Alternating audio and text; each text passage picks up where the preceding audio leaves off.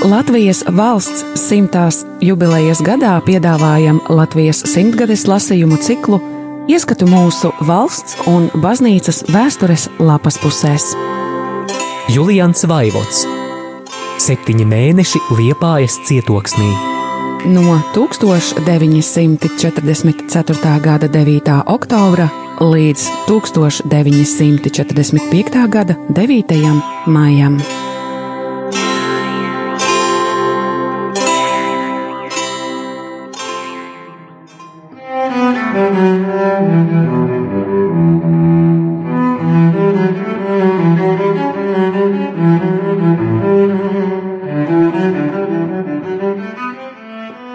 1944. gada 2. decembrī.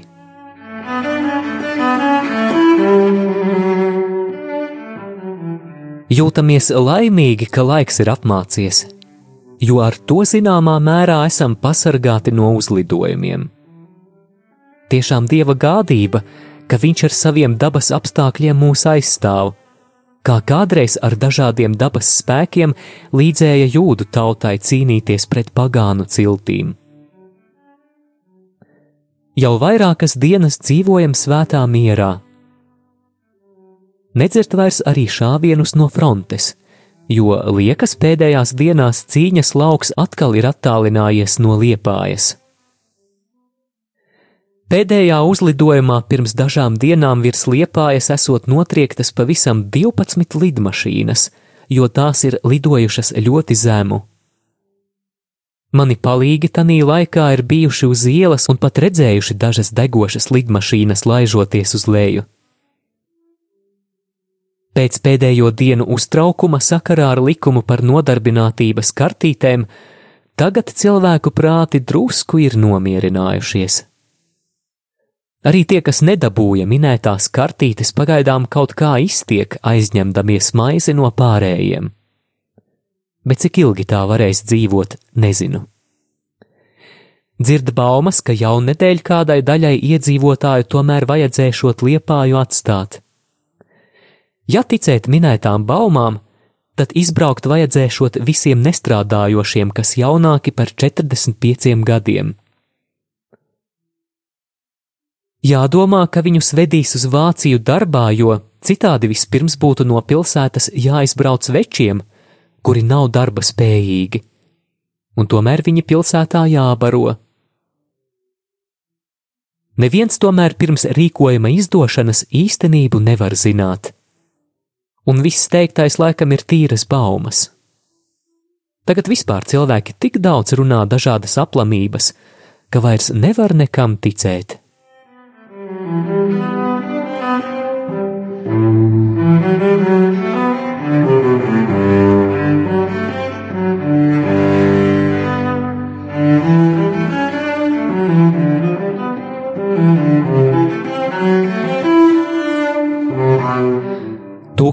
1944. gada 9. decembrī. Jau vairākas dienas ir pagājušas, ka nekā neesmu uzrakstījis par apstākļiem Liepājā. Tam ir vairāki iemesli, un galvenais - laika trūkums. Garāku laiku pavisam nesaņēmu nekādu pastu, bet izrādījās, ka jaunā pastniece vēstules metusi kancelējā starp divām durvīm, pa kurām tagad neviens nestaigā, un man neienāca prātā turpat paskatīties tāpēc uzreiz saņēmu lielāku skaitu vēstuļu, uz kurām vajadzēja atbildēt, un sakarā ar tām daudz ko izdarīt. Izņemot no pastkastes lielāku skaitu vēstuļu, biju svēti pārliecināts, ka kāda būs no ekscelences un kolēģiem no Vācijas, bet vēl tas cerības. Šī klusēšana sāk palikt aizdomīga. Rakstīju drošības policijai uz Rotenburgu, kurp solīja viņus vest, bet atbildes vēl līdz šim nekādas neesmu saņēmis. Vai viņi nemaz neraksta, kam negribas ticēt, vai vēstules pazūd, vai arī viņiem nav brīvu rakstīt, kas tomēr nav pieļaujams. Citi taču raksta, un arī prāvests Valters atrakstījis Liepas kungam garu vēstuli. Thank you.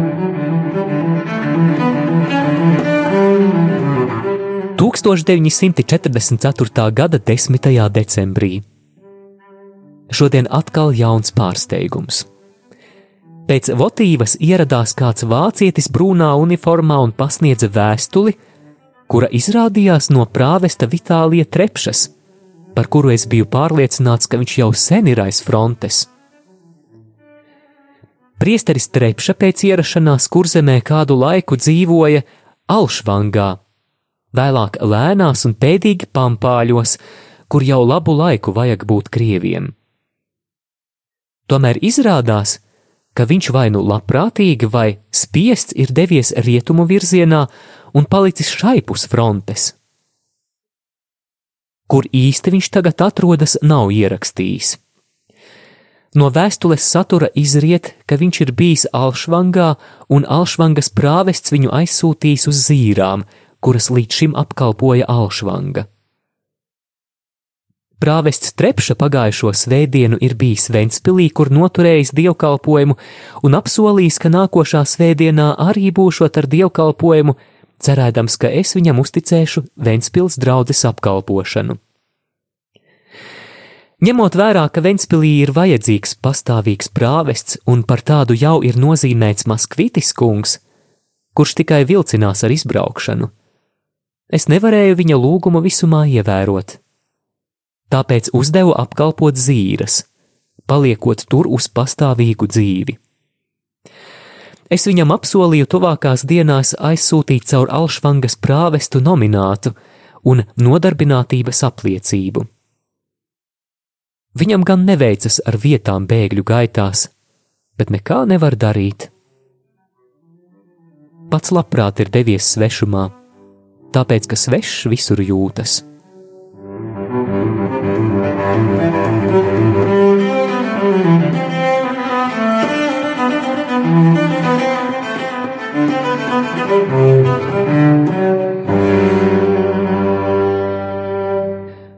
1944. gada 11. decembrī. Šodien saņēmu divas svarīgas vēstules.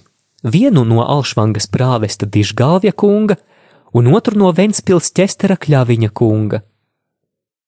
Pirmajā, kā es biju lūdzis, prāvests ziņo par garīdzniekiem Ziemeļu kurzemē. Šī vēstule, diemžēl, līdz Liepājai ir gājusi veselas 11 dienas. Tajā prāvests raksta, ka Alšvangā esot uz vietas abi priesteri. Gudeniekos bez prāvesta Meldera vēl esot priesteris Ancāns no Rīgas, kuldīgā divi vecīši - Tomašunas un Kazēnas. Jūrkalnē mācītājs Dūre. Ventspilī pēc ozoliņa izbraukšanas kādu laiku ir bijis mācītājs Vilnis no Rīgas. Dūre un Vilnis abi esot iepriekš jau cietuši no partizāniem, kuri viņiem nolaupījuši mēteļus un zābakus. Tagad Ventspilī nesot neviena priestera, un prāvests esot dzirdējis, ka Ventspils baznīca un citas ēkas gribot okupēt kareivji. Tāpēc viņš esot lūdzis Dūres kungu aizbraukt uz turieni un darīt, kas iespējams.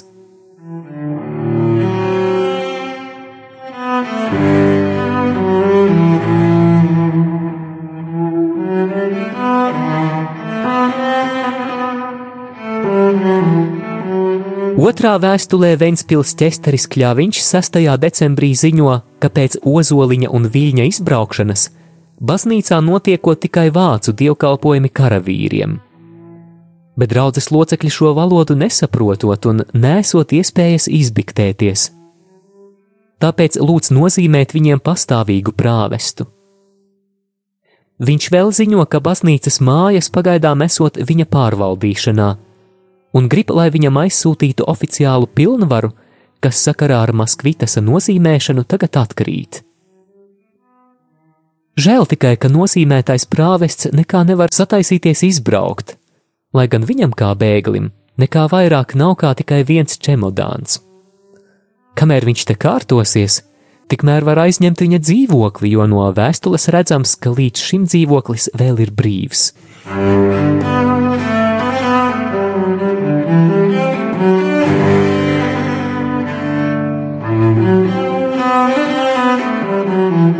1944. gada 12. decembrī. Vakar vakarā beidzot mācītājs Jāzeps Maskvitis izbrauca uz Ventspili uzņemties prāvesta pienākumus. Agrāk nevarēja saprast, kāpēc viņš tik ilgi taisās un nevar sataisīties izbraukt. Bet izrādās, ka viņš ir sev mangojis pūru un ne bez panākumiem.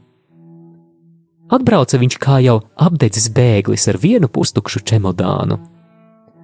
Kamēr viņš te bija, tomēr sakrājis labu daļu no mantām un izbrauca ar trim smagiem čemodāniem un diviem saiņiem.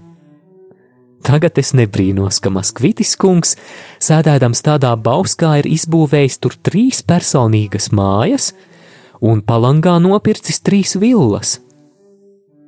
Lāgā nevaru iedomāties, kāds viņš būtu izbraucis no liepājas, ja arī kara laikā būtu tur nodzīvojis kaut vienu gadu. Tā ir kaut kāda speciāla dāvana, vai, kā Jasenas kungs izteicās, ekspropriācijas spēja pieiet cilvēkiem un mācīt prasīt, ko ne katrs spēja, ja arī to gribētu darīt. Cita lieta, cik tas garīdzniekam piestāv. Spriežot pēc ārējā izskata, nekad to no Maskvitis kunga nevarētu sagaidīt. Te pilnā mērā apstiprinās krievu sakām vārds, ka āriene ir mānīga. Galvenais, kas Maskvitis kungam dod tādu iespēju, liekas, ir zināma uzbāzība, ar kādu viņš pieiet katram cilvēkam. Katru, ko viņš satiek, tūlīt bez kautrēšanās uzrunā un izprašņā, No vienas sarunas ar pilnīgi svešu cilvēku viņš jau zina visu tā biogrāfiju un arī materiālos apstākļus. Nekaunas arī paprasīt visu, kas vajadzīgs. thank you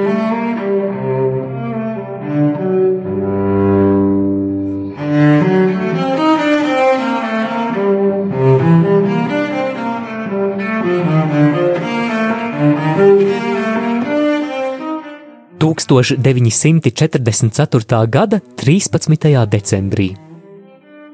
Šodien piedzīvoju savādu atgadījumu. Mani uzaicināja pie kādas slimās pilsētas slimnīcā uz 16. nodaļu.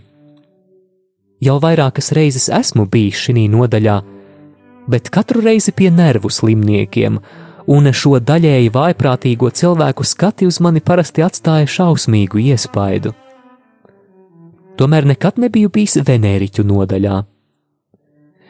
Šodien man ieveda kādā istabā trešā stāvā pie vecas sievietes, īsi apcirptiem matiem un pilnīgi aklas, kura atvesta no Lietuvas un vairs netiekot atpakaļ. Nezinu, kā viņa ir tikusi šī nodaļā. Vai viņas slimība ir kas kopējs ar veneriskām slimībām, par ko ļoti jāšaubās, vai tikai vietu trūkuma dēļ tur ievietota? Kas būtu ļoti necilvēcīgi. Kopā ar minēto slimnieci tanī pašā istabā bija vēl kādas sešas vai septiņas sievietes. Visas vēl samērā jaunas, bez spilgtām slimības pazīmēm. Dažas no viņām bija tikai apakšveļā, viena gandrīz kaila, jo uz viņas stipri korpulentās miesas vairāk nekā nebija kā tikai drēbes gabals, līdzīgs kreklam, kas sniedzas līdz tai vietai, kur dzimstot pārgriezts barošanas aparāts. Visas viņas staigāja pa telpu kā pa savu guļamistabu un liekas jutās kaut kādā savā īpatnējā pasaulē, kura rit pavisam citādāka nekā parastā. Uz māsas aicinājumu atstāt telpu, cita citu sāka saukt ārā, sarunājoties vācu valodā, it kā viņas visas būtu vācietes. Māsa man paskaidroja, ka tās esot ielas meitas, salasītas no dažādām vietām. Viņas liekas uzskata par labu toni runāt pašreizējo valdnieku valodā. Paliek iespējas, ka viņas ir visātrāk piesavinājušās ienācēju valodu, bet par to ļoti dārgi samaksājušas, un tāpēc derētu viņas par brīdinājumu parādīt visām vieglprātīgajām mūsu tautas sievietēm. Viņas atstāja vēl šausmīgāku iespaidu nekā Čehova jamas iemītnieču apraksts. Izskats tām riebīgs un iespējas šausminošs. Izskatās pēc cilvēkiem, bet nekā cilvēcīga nav palicis. Dzīvnieki, kas dzīvnieki, ne kauna, ne goda.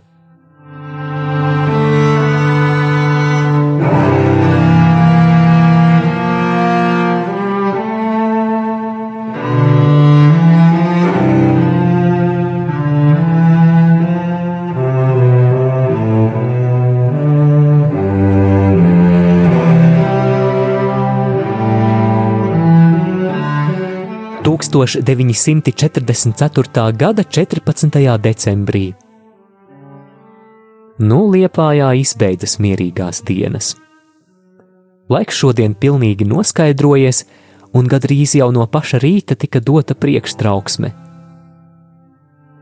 Ap kādiem pulksten 12. sāka pūst īsto trauksmi, un ātri pēc tam arī sekoja uzlidojums. Tas ilga apmēram stundu, un tika nomestas bumbas. Cik uzlidojumā ir bijis mašīna un cik notriekts, vēl nav zināms, bet bumbas ir nomestas, un ostmalā šaipus kanāla redzams diezgan liels ugunsgrēks. Lai Dievs dod, ka ar to vismaz šai dienai pietiktu. Bet lagā neticas, jo tā jau visu šo laiku krievi neuzlidoja, un miglainā vai lietainā laikā liekas, viņi vispār nav spējīgi uzbrukt. Šodien drusku arī sālst, un iespējams, ka laiks vispār mainīsies un paliks augstāks. Tādā gadījumā arī uzlabosies ceļi, kuri sakarā ar ilgstošu lietu esot uz laukiem gandrīz neizbraucami un neizbrienami. Tāpēc arī frontē visu šo laiku lielākas operācijas pavisam nenotika.